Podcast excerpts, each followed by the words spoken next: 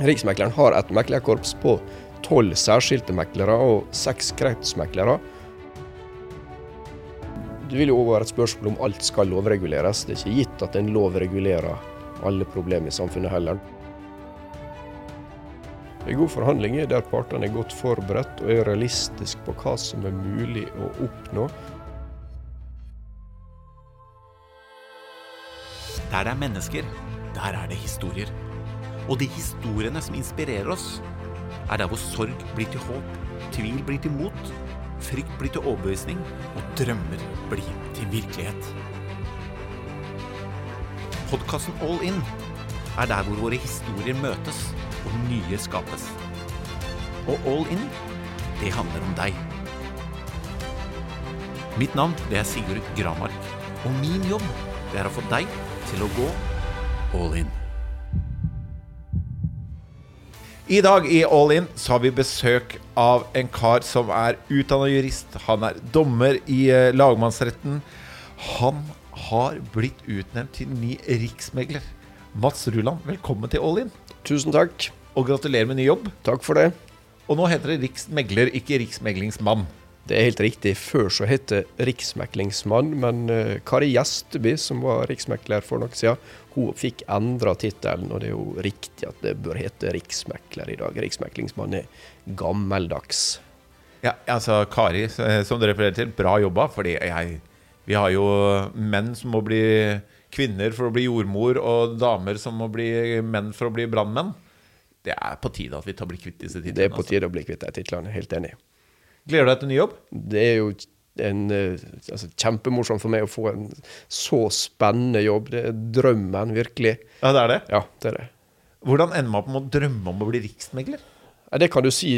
For min del er karrierevalget litt tilfeldig. Riksmekleren har et meklerkorps på tolv særskilte meklere og seks kretsmeklere. Og i 2016 så ble jeg spurt om jeg var interessert i å bli mekler i meklerkorpset. Så der fikk jeg muligheten der. Dessverre så døde min forgjenger brått i fjor. og Da ble stillinga lyst ut for første gang. Og jeg var så heldig jeg fikk jobben. Og din forgjenger, Nils eh, Terje Dalseide, ja. Det er riktig. Det var også en som du så opp til? Det er et av mine store forbilder. Han var en veldig kunnskapsrik mann. Uh, utrolig gode personlige egenskaper, flink med mennesker, og en stor inspirator for mange godt likt av alle parter i arbeidslivet. Hvorfor tror du du fikk jobben? Jeg håper det var pga. mine personlige menneskelige egenskaper, faglig kunnskap. Først og fremst, en, hva gjør en riksmegler? Altså De fleste ser Riksmegleren eh, i, på kvelden klokken 11 på Kveldsnytt for de som ser på det, eller i hvert fall sene nattetimer. Da, nå blir det mekling. Det går til mekling. Hva, hva gjør man da? Riksmekleren mekler i interessetvister mellom eh, parter i arbeidslivet. Du har eh, arbeidstakersida, og så har du arbeidsgiversida. De har inngått en tariffavtale. og Hvert år så er det lønnsoppgjør, og da kan man enten bli enig i forhandlinger, og blir de ikke enige, så er det tvungen mekling. Da må partene komme til Riksmekleren, det er lovfesta. Eh, og så gjennomfører vi en mekling. og Stort sett så blir det alltid en løsning, men blir det ikke løsning, så blir det en arbeidskonflikt. Og Da er det enten en streik, da går arbeidstakersida til konflikt, eller så er det en lockout, da går arbeidsgiversida til konflikt. Lockout er veldig sjelden. Kan du huske sist det var lockout? Det var dessverre lockout i fjor høst for mm. sykepleiere. Og det er flere år siden sist gang det var lockout. Så det er ganske spesielt. Er det sånn at eh, for eh, Riksmegleren så er målet at det ikke skal bli lockout eller eh, streik? Vi har jo et samfunnsoppdrag, det bevarer arbeidsfreden. Så vi er jo veldig misfornøyd når det blir konflikt. Da, da har ikke meklinga ført fram. Og jeg må bare si at det føles som et nederlag, ja. personlig. Vi jobber knallhardt for at partene skal finne en løsning. Mener at det er det mest fruktbare. Det, det handler jo om samarbeid mellom arbeidstaker- og arbeidsgiversida. Det er jo det mest gunstige. Og du oppnår bedre og langsiktige løsninger gjennom samarbeid og finne løsninger. Da kan du forme utfallet sjøl, i motsetning til en konflikt. Noen konflikt, eller fleste, alle konflikter går over. Ingen konflikter som har blitt varige. kroniske, et uttrykk som gjerne brukes. Det, det har ikke skjedd. Nei. Og de skal samarbeide videre. Det er derfor det er så viktig å finne de gode og varige løsningene. Eh, av og til, hvis det er konflikter som berører sterkt tredjeparter, fare for liv og helse, da går de til tvungen lønnsnemnd. og Da er det fatter Rikslønnsnemnd en avgjørelse, og da blir den bestemt for partene. Så da får ikke de påvirka utfallet. Nei. Så det er jo en risiko ved å gå til konflikt som arbeidstaker- og arbeidsgiversida tar. Når det, det er morsomt, fordi jeg sier jo at de som, når man skal sende, Du så jo opp til, eh, til en listerie, Og alle, mm, eller ikke alle, men svært mange ser jo opp til ledere eller noen forbilder når de skal inn og få noen rollemodeller når de skal inn i næringslivet eller inn i yrkeslivet. da. Og jeg eh, sier jo at altfor mange ser opp til folk ut fra en posisjon eller eh, noe fagkunnskap, mens eh, jeg prøver å få flere av de yngre og, og andre til å se etter de menneskelige egenskapene ved, ved ledere eller eh, autoriteter som de ser opp til. fordi til syvende og sist så påvirker vi enormt mye da, av hvordan mennesker handler sammen. Og du, når du da sier at eh, du håper og tror at det var dine, med dine mellommenneskelige eller menneskelige egenskaper, er, er, går det faktisk ned til det, eller er det lover og regler? Eller går det mye på mellommenneskelige, eh, relasjonelle ting når dere forhandler?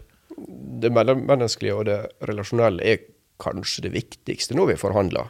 Er det god kjemi mellom eh, de du forhandler med, har de tillit til hverandre, så er det mye lettere og større sjanse for å få løsning enn der det er ingen tillit eller dårlig kjemi. Og tillit er utrolig viktig, at de kan stole på hverandre.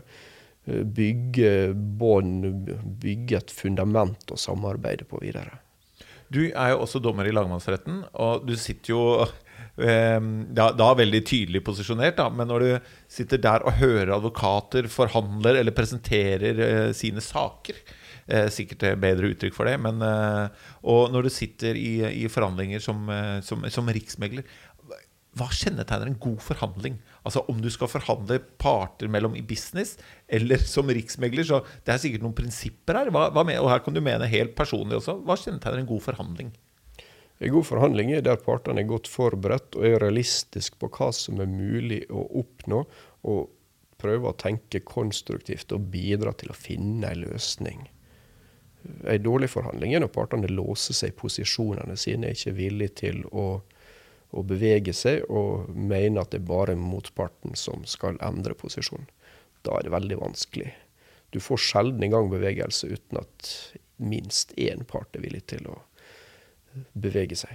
Er det den som Og igjen, her trenger du ikke å tenke som riksmegler, her kan vi tenke som bare i forhandling.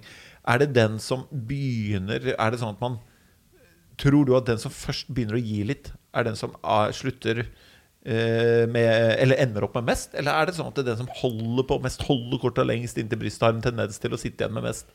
Det er ikke noe klart svar på, mener jeg. Det vil variere fra situasjon til situasjon hva du forhandler om, hvor sterke posisjoner de har. Mange mener at mange er veldig redd for å ta det første skrittet Riktig. for å sette i gang. Det mener jeg er misforstått.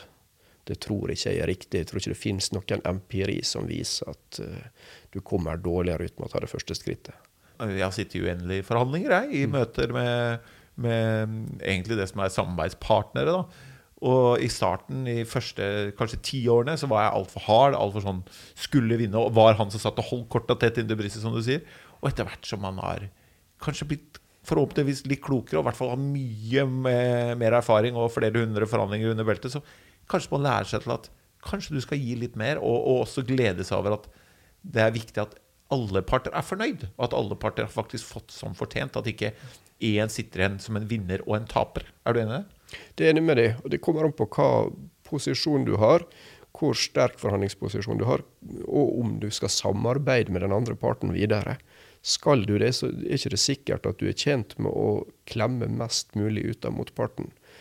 Eh, Men skal det ikke være samarbeid videre, så har jeg jo forståelse for at eh, en part bruker sin styrke i forhandlingene også. Det er jo helt legitimt.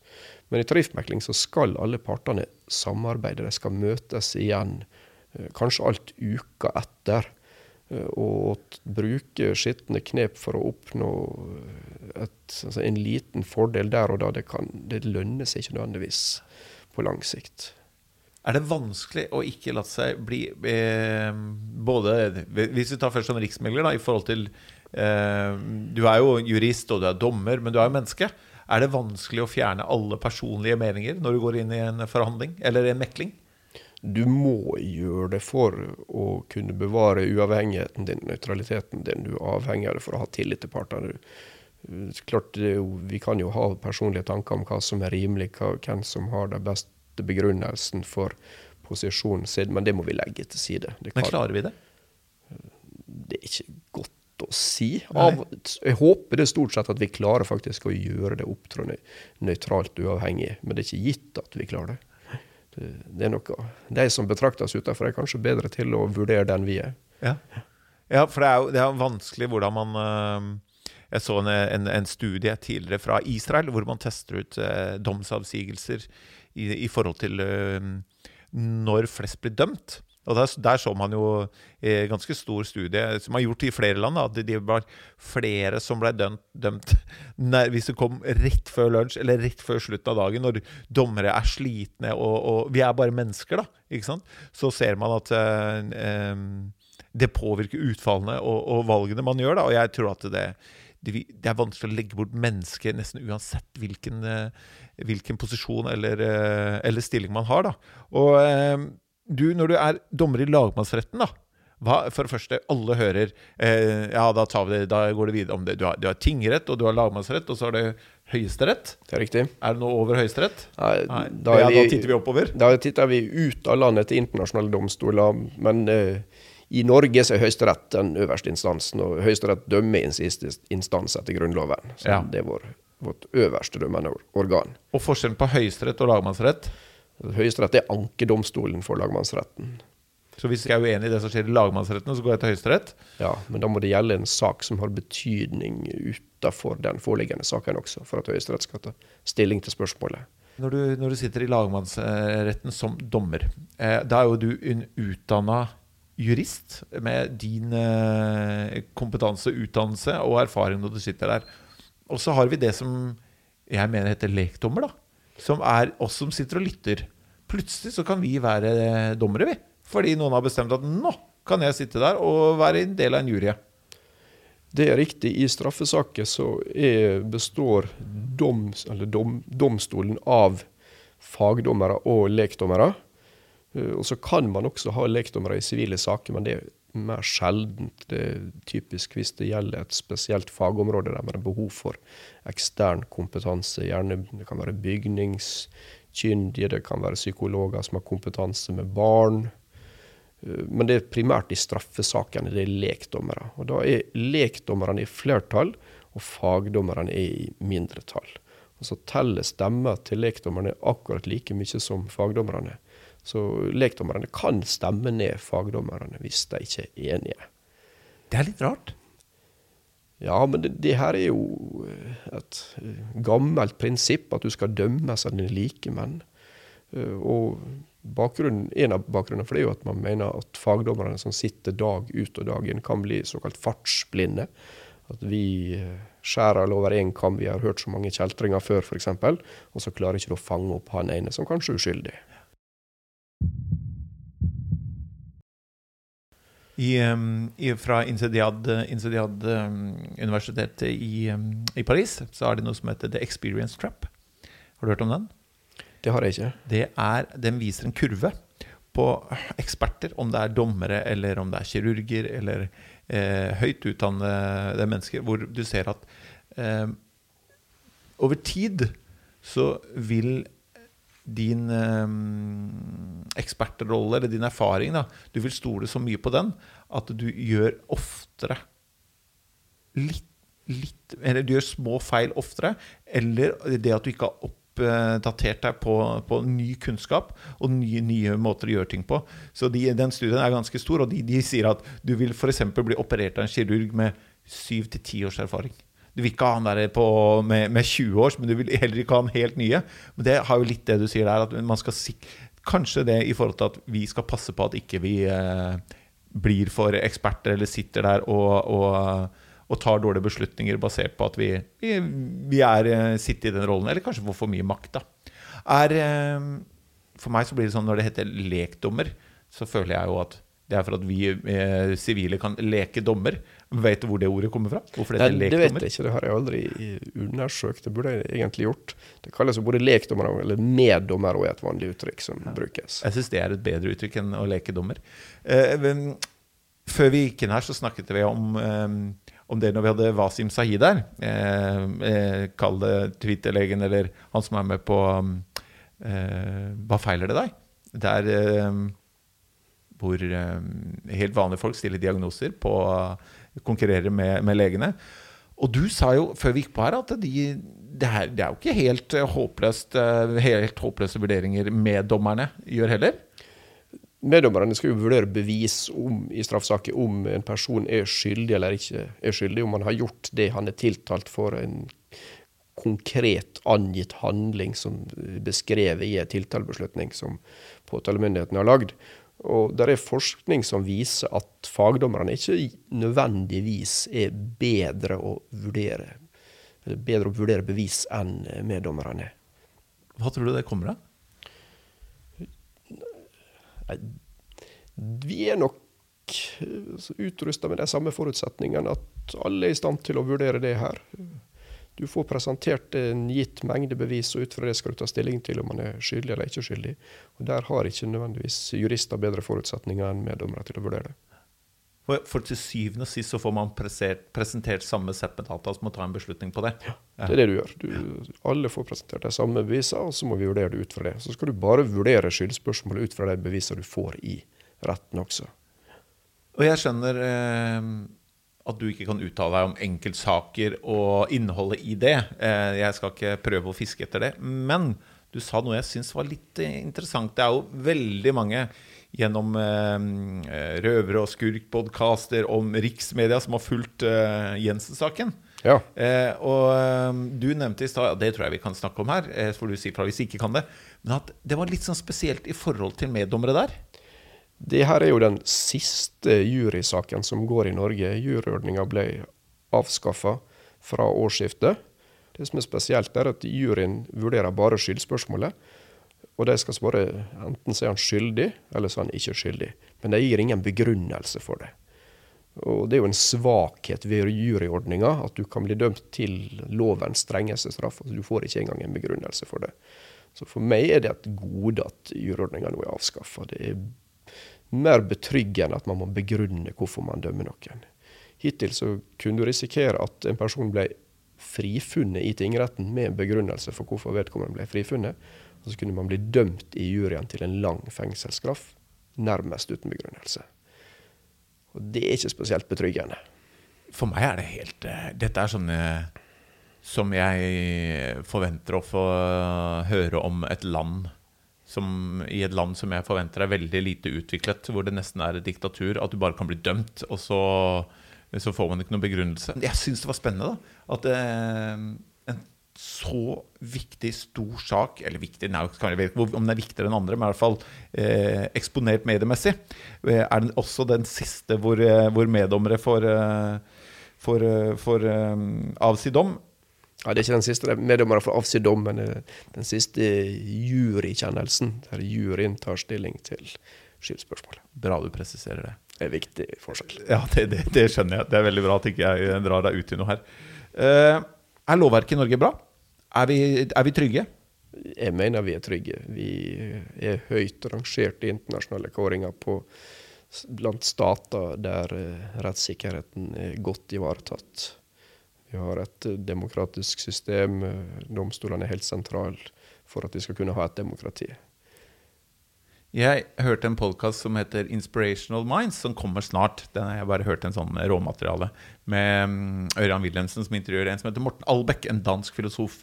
Han sier, han sier at lovverket egentlig bare forteller hvor drittsekk du kan være. Og så sier han at det er så ille at du kan sitte hjemme som jeg som har en datter, da. At jeg, når datteren min var 16 år, så kan jeg sitte hjemme på morgenen og på lørdag og drikke kaffe. Og så kan det komme det en kar på 50 sammen med henne som har overnatta. Og det, det er helt lovlig. Det er helt innafor. Så ja, det, er, satt som perspektiv at holder det å være innenfor loven alltid? Hva tenker du om det? Det er ikke gitt at det som er etisk riktig, sammenfaller med det som er lovlig. Det kan tenkes mange tilfeller der eh, vi vil se på en handling som uetisk, selv om den er lovlig. Ja, for etikk og lovverk er vel ikke identisk?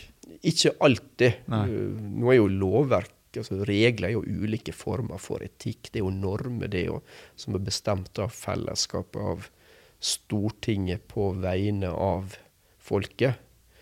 Men uh, det, her, det er ikke et statisk felt. Det er noe som utvikler seg, som er dynamisk. Det som var lovlig og som vi syns var greit for 100 år siden, er ikke nødvendigvis det i dag.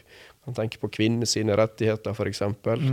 Et godt eksempel. Menneskerettigheter er blitt mye mer utvikla, særlig etter andre verdenskrig. Eh, Så eh, det her er stadig i endring. Ja, klarer, klar, er det overhodet mulig å oppdatere Norges lover med samfunnets utvikling og kravene vi setter til hverandre? Det vil jo være et spørsmål om alt skal lovreguleres. Det er ikke gitt at en lov regulerer alle problemer i samfunnet heller. Noe blir overregulert. Eh, Det er jo ofte en lettvint løsning å gi en lov når man vil ha løst et problem, men det er ikke alltid det som er det beste heller. Men av og til vil det være den beste opplagte løsninga. Uh, jeg mener at man må heve standarden til at ditt, ditt etiske nivå, da, ditt moralske nivå, bør være ganske mye høyere enn hva loven tillater. Og jeg tror også i forhandlinger, da, og, og selskaper og, og ledere og alt som sier ja, men det er jo innafor loven, det er innafor lovverket. Og sånn som Donald Trump, da, som eh, fant nok hull i skatte, skattelovene i USA til å betale svært lite skatt i forhold til hvor mye han har i inntekt, så sier jo han at det er bare, jeg kan jo ikke ta hensyn til at de andre er, er idioter og ikke har sett smutthullene. Og jeg syns det er ganske fascinerende i forhold til at uh, man liksom er oppvokst med at uh, å gjøre det som er innafor lovverket, er riktig. Men man kan ha en høyere standard enn det. Det kan man utvilsomt, og det er viktig å vise samfunnsansvar når du er i en posisjon der du har mulighet til det. Gå foran som et godt forbilde. forbilde, gjøre et bidrag for samfunnet. Og det er det jo heldigvis mange som gjør også. Eh, til tips til de som skal i forhandlinger. De, de som er gode, som jeg har blitt imponert av, enten jeg har sittet i, i forhandlinger med de eller mot de, som, som man ofte starter som. Så de beste er de som klarer å gå ut av det tradisjonelle mønsteret. De kommer med, med nye innfallsvinkler og, og, og, og som du sier, er kreative. Men det, veldig ofte så ender de ikke opp på paragrafer eller helt en krona dit eller dit. Det kommer at man, man både åpner opp litt, at det blir noe menneskelig der, og at man finner en, en kreativ løsning. Som, og de som de beste avtalene jeg har gjort, hvor jeg føler at vi til sammen har fått mest ut av avtalene, det er der begge i utgangspunktet, når vi er ferdige, er godt fornøyd, og det er god kjemi, da. Føler du på noe ansvar? Ja, jeg føler ansvaret tynger veldig. Utfallet av eh, meklinga har stor betydning for mange hvis det blir konflikt. Du kan risikere at eh, samfunnet nærmest stopper opp.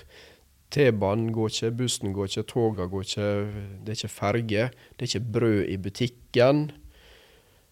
Så det har store, en stor konflikt har store samfunnsmessige konsekvenser. Så klart ansvaret tynger når det står på som verst i de mest betydningsfulle meklingene. Og det er jo noe som berører alle. Lønn, utfall av lønnsforhandlinger. Det påvirker eh, arbeidsforholdene til veldig mange i samfunnet også. Så det, det er jo viktig det vi holder på med. Det er viktig det som eh, partene i arbeidslivet driver med. De gjør en utrolig viktig rolle for Nei, unnskyld. De gjør et utrolig viktig arbeid for det norske samfunnet. Og jeg, jeg, det jeg syns er litt eh, stas med å ha deg her, er at du er litt den han der som alle Alle har hørt om tittelen, Og der er han igjen, og så blir man borte. Og så kommer det nesten som han derre Simple Cedar as last year, Miss Sophie. Kommer opp sånn én til to ganger i året. Og, eh, men ne, veldig mye av denne podkasten her handler jo om det å, å føle på et ansvar, eller føle at man frykter noe, at man, man, man våger å gjøre noe. Men når du sier at du kjenner et ansvar, er det nesten sånn at du er litt redd for stillingen? Altså redd for det du går inn i? Nei, det er ikke. Da hadde jeg aldri kunnet hatt den stillinga, for det ansvaret har du til enhver tid. Og vårt samfunnsoppdrag er å bevare arbeidsfreden, så du kan ikke være redd for det. Men det er klart du må føle ansvaret tynga. Men det tenker jeg skjerper deg i, i det arbeidet du gjør også. Det gjør det i hvert fall for min del. Eh, Det gir meg motivasjon og inspirasjon til å jobbe enda hardere.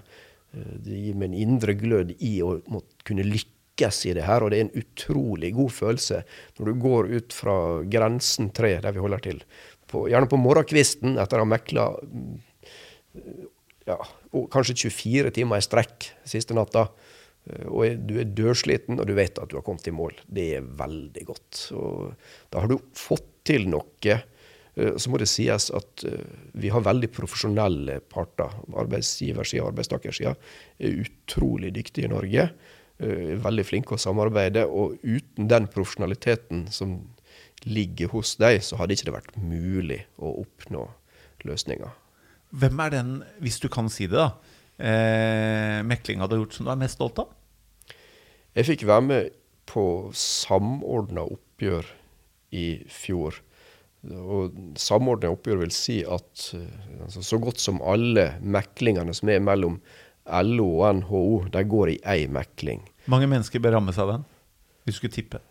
Hvis det hadde blitt storstreik, så hadde mange hundre tusen blitt berørt fra første stund. Mange hundre tusen. Jeg kan ikke si hvor, nøyaktig hvor mange. Det er veldig sjelden det er samordna oppgjør. Det er mange år siden sist. Vi skulle mekle ekstremt krevende tema som pensjon, som er viktig for alle. Og lønn, som er av naturlige årsaker også veldig viktig. Og vi mekla i fem dager totalt, og klarte å komme i mål. Og det var, det var krevende, men det var veldig godt når det ble en løsning. Det var viktig for Norge at det ble en løsning. Og det hadde vi aldri klart. Har ikke partene vist ansvar slik som de gjorde i LO og NHO. Og det, når de viser ansvar, hva gjør de da? Da bidrar det til å finne gode og varige løsninger. Jobber mot å finne en løsning, har fokus på det, og er opptatt av å finne løsning. Hva møter vi? Vet du Hva kommer? Hva du, hva, hvilke utfordringer er neste?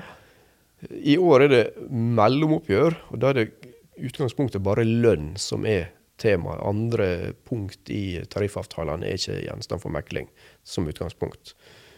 Er lønn det mest emosjonelle man forhandler, eller? Det varierer fra år til år. Lønn er så klart av stor betydning. Det er jo lett å forstå. Det er det vi lever av. Det, vi alle trenger det for å, for å ha penger til hus, mat, klær, dekke basisbehovene dine. Men det, arbeidstid er veldig viktig. Pensjon er kjempeviktig. Og så vil det her svinge litt over tid hva som er det mest sentrale og viktige kravet.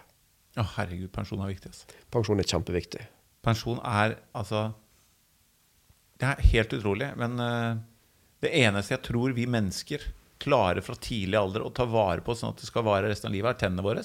For der legger vi vanen at vi skal pusse tennene. Det er liksom det eneste vi tar med. Men eh, til alle, om du er 40, 30, 50 Altså, pensjon er så viktig å ha en plan for. Og den skuffen der, de reklamene som går med hvordan vi, hvordan vi unngår det, altså, det er ja, øh, han her skal forhandle så godt han kan, han, på vegne av partene, men øh, det ansvaret må hver enkelt ta.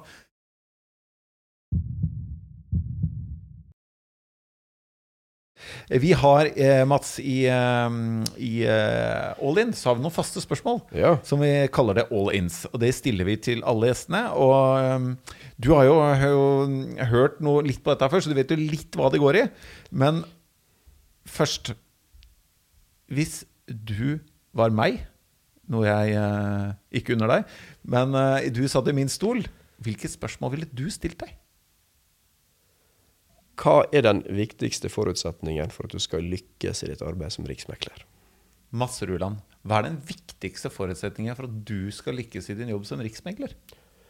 Det er at uh, de sentrale partene i arbeidslivet samarbeider for å finne gode og varige løsninger, og at de har tillit til hverandre. Oi, tøft. Så din viktigste forutsetning er ikke noe du kontrollerer, eller? I tillegg så er jeg jo helt avhengig av uh, mitt utmerkede meklingskorps.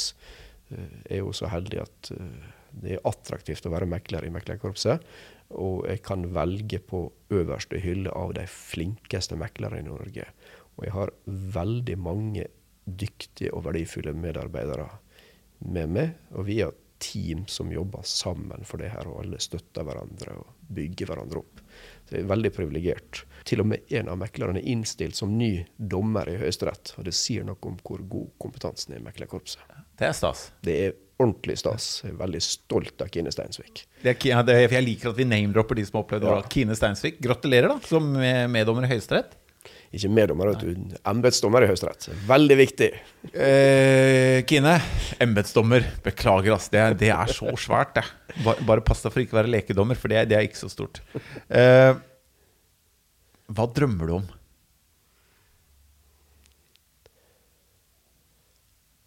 Fred på jord, kanskje.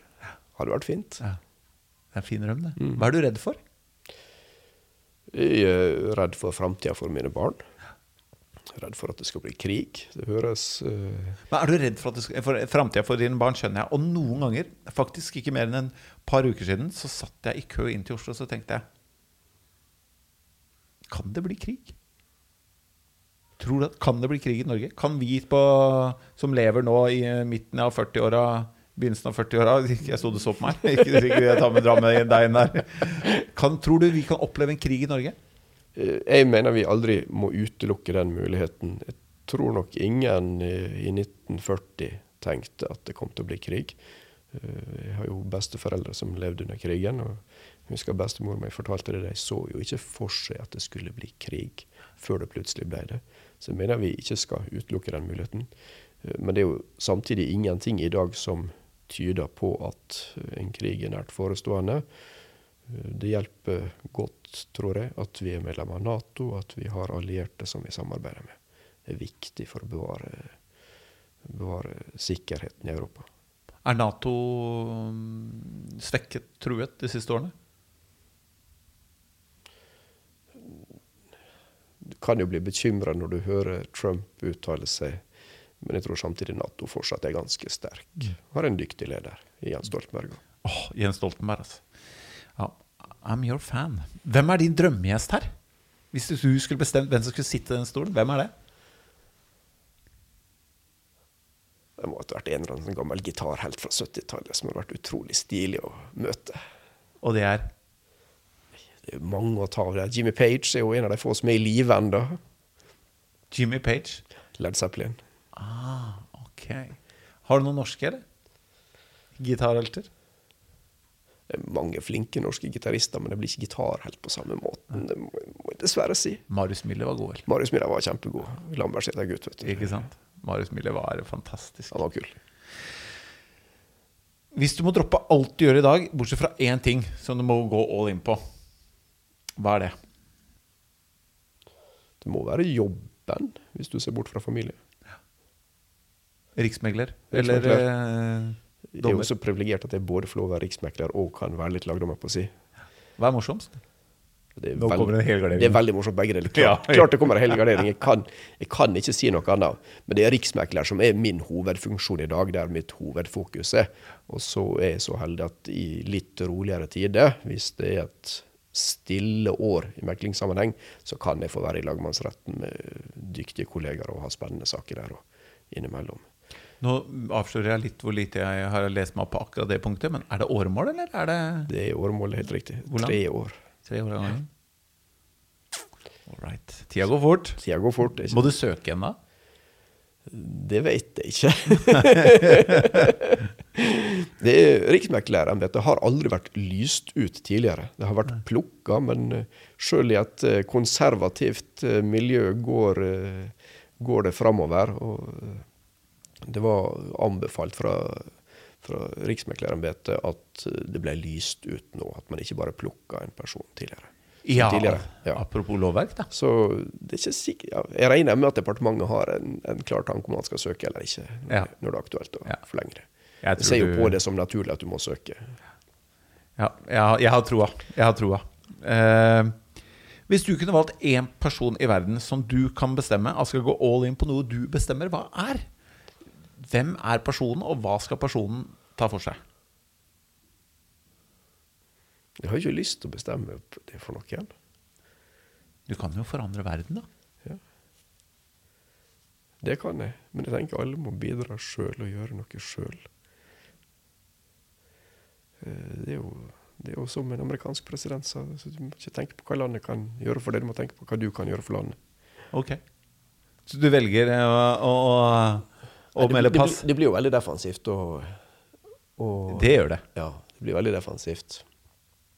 Da måtte jeg valgt at Erna Solberg skulle gått all in og forsøkt å eh, avskaffe fattigdommen i verden.